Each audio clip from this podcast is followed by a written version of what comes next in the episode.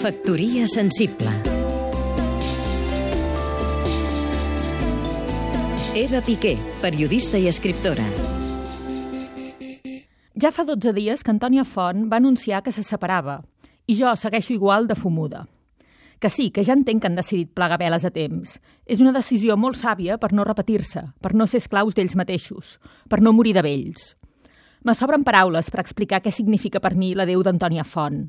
Justament en aquesta cançó deien «D'aquí a dos anys me retir» i el vers ha resultat ser premonitori. La meva amiga Montse es pregunta per què coi és un drama nacional que se separin els mallorquins. No sé pas si és un drama nacional, ni si cal que ho sigui. Només sé que és un petit drama en la meva biografia particular, com ho va ser la jubilació de Lluís Llach. Sí, és clar, puc escoltar igualment les cançons del quintet mallorquí. De fet, fa 12 dies que no escolto res més. Però ai, ara les lletres rodones de Joan Miquel Oliver amb la veu màgica de Pau de Bon ja tenen gust de nostàlgia. Puc escoltar-ne les cançons, d'acord, però ja és irrepetible la il·lusió de descobrir un disc nou del grup, o la de veure'ls en directe i saltar i ballar d'alegria com si el món no s'hagués d'acabar mai.